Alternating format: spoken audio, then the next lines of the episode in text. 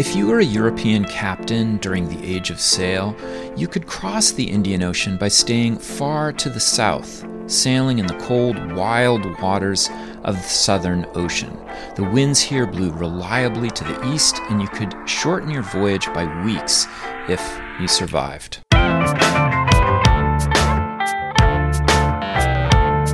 It's time to eat the dogs. I'm Michael Robinson. Today, Dr. Joy McCann discusses the great circumpolar ocean that surrounds Antarctica. McCann is the author of Wild Sea, A History of the Southern Ocean. She's a historian at the Center for Environmental History at Australian National University. Joy McCann, thank you so much for talking with me. It's a pleasure, Michael. So I was wondering if you could just describe, so that um, listeners can see it in their own minds, what what does the Southern Ocean look like? Yes, it's um, the Southern Ocean. I mean, some people know it as the Antarctic Ocean because, of course, it flows completely around Antarctica, but it is an enormous ocean. When you look at a map, you look at the whole southern part of uh, the world, and it's all ocean. In fact, the southern hemisphere generally is often referred to as the ocean hemisphere, but the Southern Ocean is vast. It's around about a quarter of the world ocean, depending on where you draw the northern boundary, and that is an issue um, that's evolved over the last, developed over the last 20 years or so, where different nations have different boundaries. But overall, the way I have approached it in my book is to look at it historically um, as the ocean that extends southward from the tips of South America, South Africa, Australia, and New Zealand all the way to Antarctica. Um, so that is a very large bit of ocean. Um, it's stormy. It's one of the stormiest oceans on Earth. It's quite distinctive physically as well, because it is the only ocean that completely circumnavigates the world, and it has very little in the way of land to interrupt its flow. So certainly no land masses to define its uh, its flow, and uh, it is incredibly windy. Uh, it has uh, the winds of these latitudes between around 40 and 60 latitudes, 40 and 60 degrees south, are known as the Roaring Forties, the Furious Fifties, and the Screaming Sixties, which mm. is a very evocative way of describing the winds, and that's how the early sailors used to describe them. It also has the biggest current in the world, the Antarctic Circumpolar Current, which, as with the wind, it completely flows around the Earth, and it has um, the flow equivalent to 150 times the world's rivers. It is wow. phenomenal. It's a huge water mass and it squeezes uh, between the narrow gap, relatively narrow opening between the tip of South America and Antarctica in what's known as the Drake Passage, which is notorious for its storms and winds. The Antarctic circumpolar current squeezes between that 800 kilometre gap. And around those capes, the, the Cape of uh, Cape Horn, as I mentioned, the Cape of Good Hope at the tip of South Africa, Cape Leeuwin, the tip of uh, southwestern Australia, and there are a couple of other capes as well in Tasmania and New Zealand.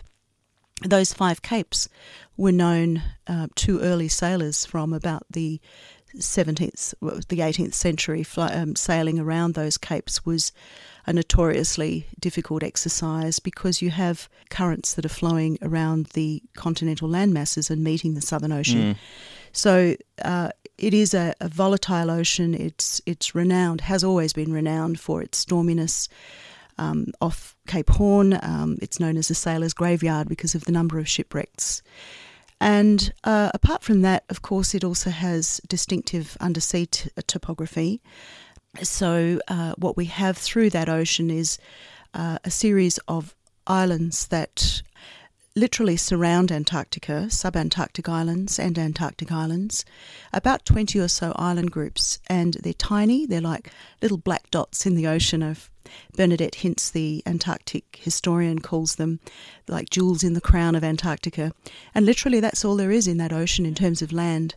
So, actually, since you were talking about these sailors and explorers that are going down into the ocean, it made me think as I was reading your book, which is beautifully written, by the way, how there's a paradox about the ocean in these stories of exploration, because in a way, the ocean is everywhere in these in these stories, but it's actually never the foreground of them. Mm. And it's interesting to me that you've foregrounded the the ocean so much. And I was wondering why you decided to put the ocean in the middle rather than as the backdrop to any of a number of stories you could have written. Hmm. That's a good question. I mean, when I came to thinking about the ocean and history, um, the obvious um, sources were all about the surfaces, the exploration, um, the discoveries of land, the development of um, trade, commerce and trade, whaling, sealing, but it all revolved about around sailing from one landmass to another, or discoveries of new landmasses to to uh, colonise in. And colonisation is a big theme in the southern hemisphere. But I decided, as an environmental historian, I really wanted to also look at the natural environment as well. And I thought a lot about how I would do that. And I was inspired by Helen Rozwadowski's work on Fathoming the Ocean, her book, which um, focused on the deep ocean and the discovery, if you like, of the deep ocean as an environment in its own right. Mm-hmm. So uh, that really challenged me to think about the Southern Ocean as a three dimensional environment, not just about above the surface, but also below. And as I developed my themes, I decided to put the ocean, the physical ocean, front and centre, at the centre of the narrative and then to really explore it as a narrative of the ocean in which humans have imagined it, encountered it, experienced it, exploited it, and sailed across its surface and also explored its depths.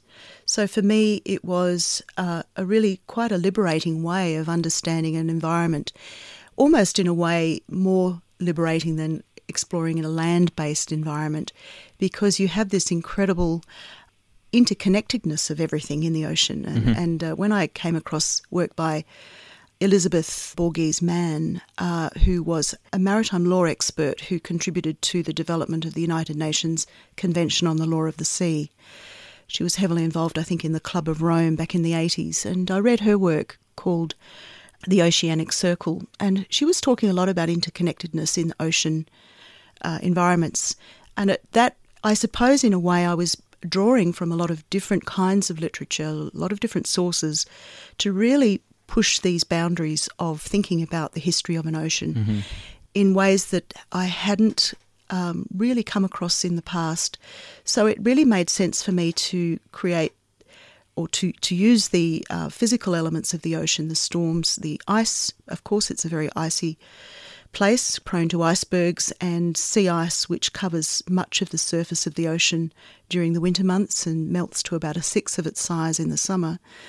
So, ice, fog, the fog which comes from the Antarctic convergence and the meeting of warmer and colder waters, which is an incredibly fertile uh, area in terms of marine life and what drew the early whalers to this region. And of course, the storminess and the winds and the, the, mm. the, currents and the waves of the ocean itself. So they became the chapters in my book. And that really helped to remind me as I was writing the human history um, it was that I was constantly challenged to interweave the human and the natural in a way that um, was kind of an experiment in a way, but it really seemed to take on a life of its own as I was writing it. Well, um, I've I've actually spoken to Helen Rozwadowski about the way people study oceans. And I remember a conversation with her where she was kind of shaking her head and saying, you know, people talk about the Atlantic world so much. You know, that's a very popular area of scholarship now. But the Atlantic itself isn't generally talked about very much. It's this kind of highway. And I think that your book very much is uh, a story of that that place. It really comes across.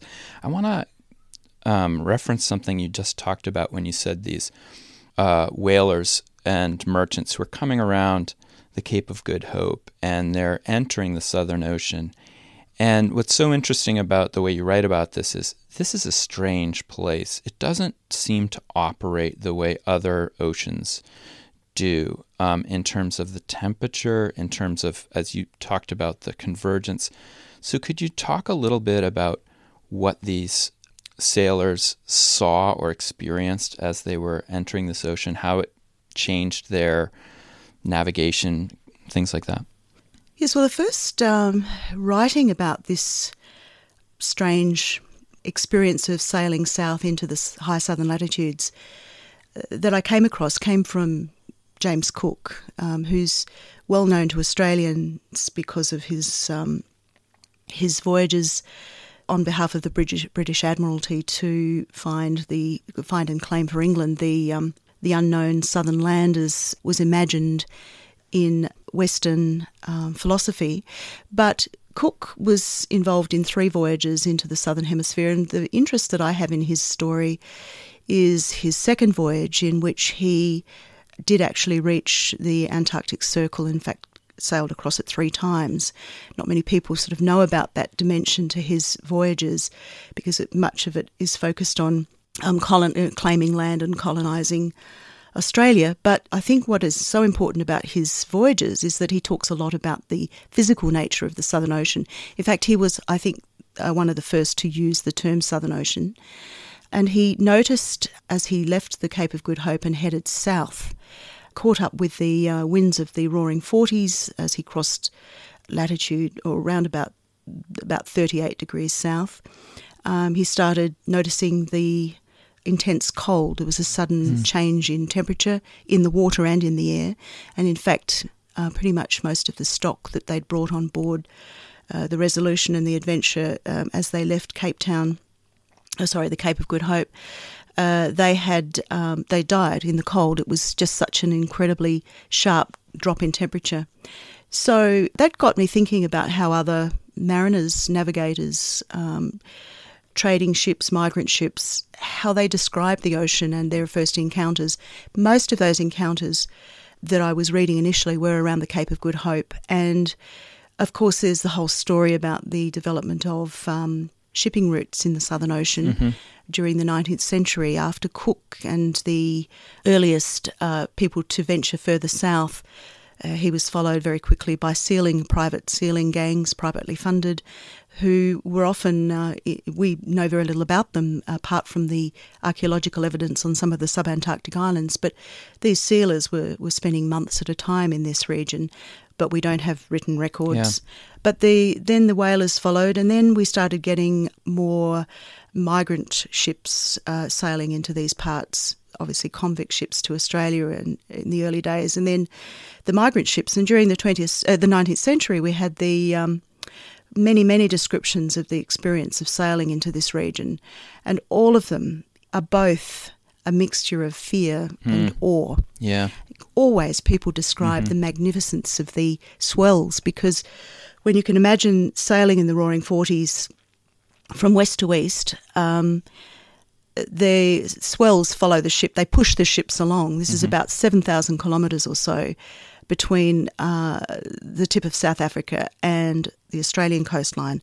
So the early navigators were trying to pick up those winds in the early sailing vessels to push them eastward. And in fact, there's a whole story about the, the development of um, the Great Sailing Circle and what Towson, uh, uh, one of the uh, British watchmaker, developed his own version of it, um, which became standard navigation guides for the early vessels. Yeah, I uh, it, I had a historian uh, Jane Hooper on a, f- a couple months ago to mm-hmm. talk about Madagascar and the Madagascar uh, trade. Yeah, and in her book she talks about how merchant vessels started to figure out the, uh, on the India trade that they could save time if they went east of Madagascar rather than go uh, and hug the African coast. And what I found so interesting about your book is, in a sense, you extend that and say, yeah, well, that was just part of a new kind of thinking about um, navigation, which counterintuitively pushes the boats further south to pick up these screaming winds that mm. are hmm. pulling ships or pushing ships east. And so, my question is how did people figure out? I mean, that's dangerous. Those are dangerous waters. Did you get any sense as you were looking at uh, these stories of these sailors? Like, is there a kind of point of no return for them? Are they trying? Is there a sweet spot that they're they're trying to find? Uh, because I would imagine that uh, your chances of wrecking are go up a lot as you get closer to the Antarctic continent. Oh, yes, certainly. Um, anywhere near land, particularly uh, the Capes, were notorious for shipwrecks. So the early, the earlier mariners who worked out that they could, in fact, get to the Dutch East Indies and the British East Indies uh, much more quickly. There was there's a whole long story about the development of those routes, uh, the Brouwer route um, for the Dutch East Indies, which uh, instructed, and it became compulsory, the Brouwer route, uh, where they had to drop down into the higher southern latitudes in order to pick up those winds. And also to avoid the storms around the Cape itself, which it's a maelstrom around those capes, and you get Is the. that because of the mixture of waters? That's that- right. You get the the southward flowing uh, coastal currents meeting the the ocean currents further south, and uh, even if you read about uh, modern day yacht people who are sailing on round the world yacht races, they all tick off those capes as their um, landmarks. I mean, they are, you know, a badge of honour to have sailed around those capes. But you read their stories, and they are every bit as frightening and um, turbulent and and uh, life threatening as it was in the 17th century. So in those early days, the mariners were looking for those winds, and they worked out that um, they could very quickly save many days of sailing instead of following the coast of Africa across to the Dutch East Indies, and of course also avoid any enemy ships and the risk of um, pirating. They were able to pick up those winds and then shoot across to off the coast of southern Australia. But the problem is, without a good un- understanding or good t- navigational tools and an understanding of longitude, um, it was very easy to overshoot the mark. And one of the first shipwrecks off the Western Australian coast was a British ship called the Trial, which actually didn't turn northward quickly enough and uh, was heading to the East Indies and is wrecked. And it was the early is one of the no, earliest known shipwrecks off Western Australia. But this became a pattern. There was uh, a lot of risk in picking up those winds. So they were not only this region was not only awe-inspiring and beautiful in its way, it was also very fast, but it was also highly risky. Yeah.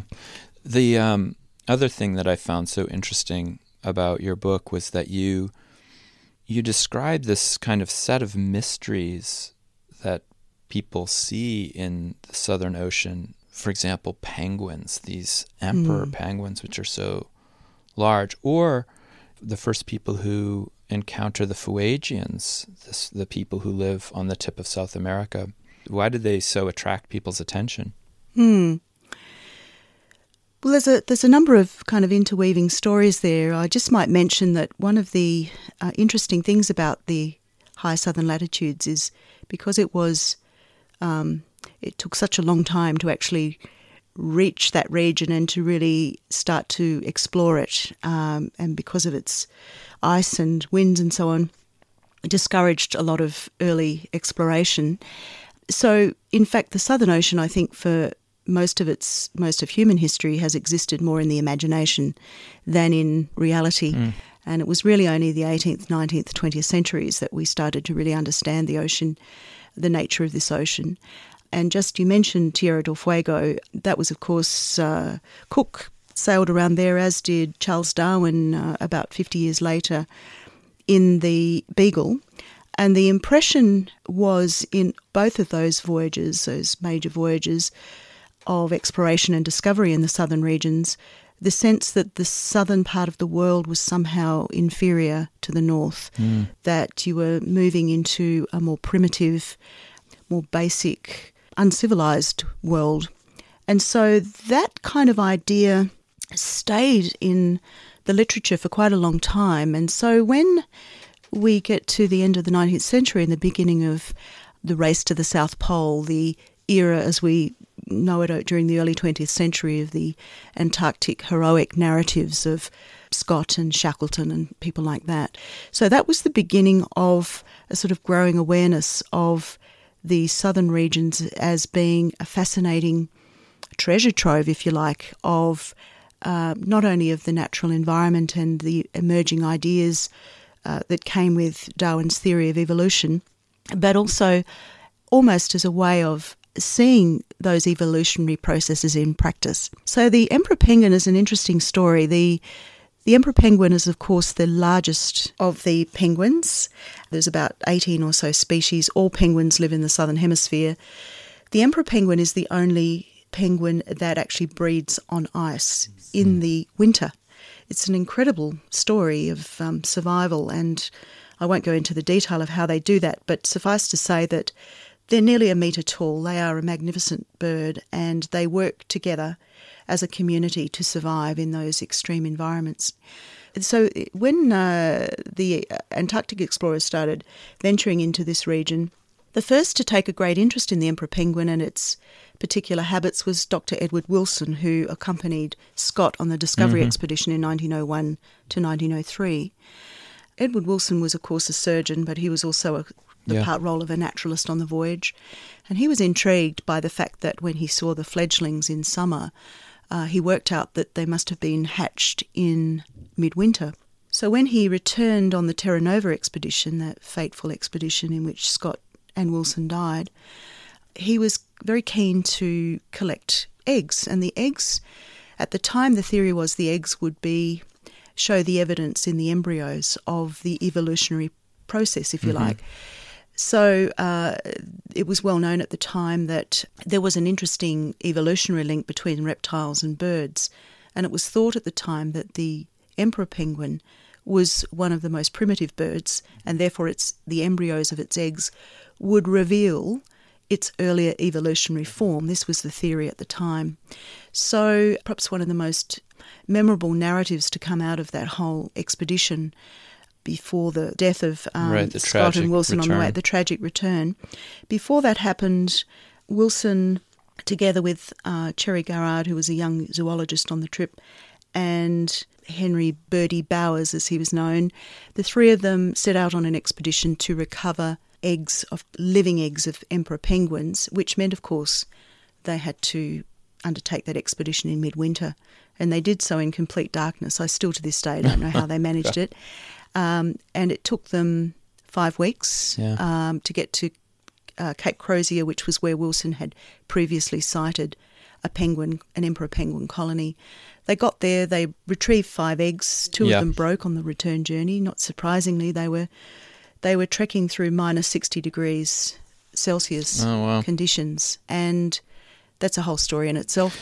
The other thing that I found so interesting about your book is that as much as it's focused on the Southern Ocean as a place in and of itself, you actually show how intimately connected it is with the rest of the world. My background is on Arctic exploration in the 19th century, and at that time, people who were interested in climate and meteorology were saying if we could just crack the code of what happens in the Arctic, we could understand, we could create a kind of theory of how climate works around the world. And I'm realizing that that story is at least as equally true, if not more true, for the Southern Ocean, that people are looking to these discoveries that you're talking about and they're they're trying to figure out much bigger questions. So, for example, I was very interested in the fact that after I think was it the Challenger expedition, mm-hmm. which is doing uh, oceanographic research, you have um, John Walter Gregory, mm-hmm. a meteorologist, who says we need to, you know, if you want to figure out why the droughts are so bad in Australia, mm. you got to look to the Southern Ocean. Could you talk a little bit about that? Yes, I think that uh, the relationship between the Southern Ocean and the history of climate and indeed the history of meteorology as a science is fascinating. We think of the ocean as, you know, a marine environment, but of course it's just as much about the atmosphere as well uh, in that region. The Challenger expedition was important in collecting massive amount of data, a massive amount of 50 volumes or so of data, which was published over a very long period of time. And what that was showing was uh, detailed readings of temperature of ocean water in different places, and there was a, a, an emerging understanding of the relationship between the currents that flow around the, the southern continents and the climatic conditions on the land masses associated with them. So, by the time Gregory, who was a, a geologist at the University of Melbourne, I believe, for a while, professor of geology, uh, geography, I beg your pardon. He was a geographer. He was interested in the idea that because Australia was in the middle of a, an eight year drought, probably one of the worst droughts, well, it was the worst drought in settler memory at least, mm. around the turn of the 20th century, it lasted from about the mid 1890s through to about uh, 1904. And so everyone was focused on how do we understand the weather patterns better? How can we have uh, predictions of when we're going to have drought so that provision can be made for it? And it was a, a question of critical importance. So when Gregory started talking about the Challenger's, results, and the fact that we still knew so little about the Southern Ocean and its impact on Australian climate, it really was the beginning of uh, a whole new science in a way. So the Australian and New Zealand Meteorological Service developed at that time after the model that had been um, established in India. And from then on, you ended up with um, the emerging science of oceanography and the ways in which currents influence climate patterns, not just in Australia, but indeed around the world. So the 20th century, I think, has really been a, a massively important um, time of emerging understanding. And with the, the science is still going on, it's still an area of absolute importance mm. now, particularly in the context of climate change. So the scientists that are working now, it's an international sort of laboratory in a sense now. The Southern Ocean has become understood to be a, an engine house of current mm-hmm. flow, which, because of the amount of ice, um, and I'm not a scientist, so I can't explain the physics of it, but as the sea ice freezes, the water around it becomes uh, denser, more salty, and sinks. And so that causes a, uh, I think it's called thermohaline circulation, where the dense water sinks to the bottom and then pushes northward. So, in fact, whilst you have the uh, Antarctic circumpolar current going around the uh, world from west to east, you also have a deep current which pushes along the bottom and gradually rises to meet the warmer waters around the Antarctic convergence and as part of a global circulation system. Wally Broecker, I think, an American oceanographer, talked about it as, as I said before, the engine house yeah. of the world. So this is an area that I think uh, is so interesting, and yet it's it's hard to get your head around because it's it's a, it's a complex sort of scientific system. Yeah. Um, system, but um, the work is going on, and um, climate scientists now look very closely at what's happening around Antarctica with melting ice, with changes in uh, salinity, with acidification of the Southern Ocean, and are realizing that uh, many of the questions about climate change and what's what's predicted to happen isn't just about weather; it's also about world climate. Yeah, it strikes me that you've done so many different kinds of writing uh, in your professional career. You've you're an academic, you've done your PhD writing. I know that you also have written policy writings for the Australian government. And this book is neither of those things. It's it's kind of a combination. It is it's an academic work, but it's you're clearly also trying to reach out and cross over to serious uh, lay readers. And I was wondering, what was that like as a process to write this book? What did it feel very different from the other kinds of writing you did? Was that challenging? Um, actually, I loved writing it. It was it was a in the same way that I found putting the ocean at the centre of the story liberating. I found this kind of writing was much more of an emotional experience than I expected. I became absolutely passionate about the ocean and its history in a way that I didn't expect to. So I began the process by, you know, the usual kind of approach of reading sort of secondary materials and then delving into archives and reading a lot of primary sources. And, and of course, drawing on my own experiences. And I think probably being having the freedom to kind of really bring my own ideas into it. And I should say they formed as I was writing, they weren't necessarily already there. I kind of went on a personal journey too into this ocean and so I combined my own reflections on the experience of being in the Roaring Forties, for example, and then last year having ventured into the Antarctic region by ship and actually sailing across the Drake Passage, landing on sub, some sub-Antarctic islands, and experiencing it firsthand brought to the process of writing a very different and, as I say, a very emotional kind of response to mm. what prior to that was probably more of an academic exercise. Mm. Um, and I think what has helped is that I've spent years working um, as a public historian. So I've spent a lot of time, you know, undertaking oral histories with communities and finding out how people think about their past, how they remember things, how they relate to the natural world. And I suppose, in a way, I brought a lot of that to this book. I was really uh, writing with the ideas of, you know, what does this mean for us and our future? I, and I suppose by the end of it, I became absolutely passionate about bringing this region to the world because it just seems to be have been ignored or, or, or very much seen in a narrow way. It is a very complex history, and really, I've just touched the surface of it, literally. Well, Joy McCann, thank you so much for talking with me today. Oh, great pleasure. Thanks, Michael. That's it for today. The music for Time to Eat the Dogs was composed by Zabrat. If you'd like to recommend a guest or offer an opinion, please email me at time to eat the dogs, that's one word, lowercase, at gmail.com. And please rate the show and leave a review wherever you get your podcasts. It's really one of the best ways of reaching new listeners who might be interested in the show. See you next week.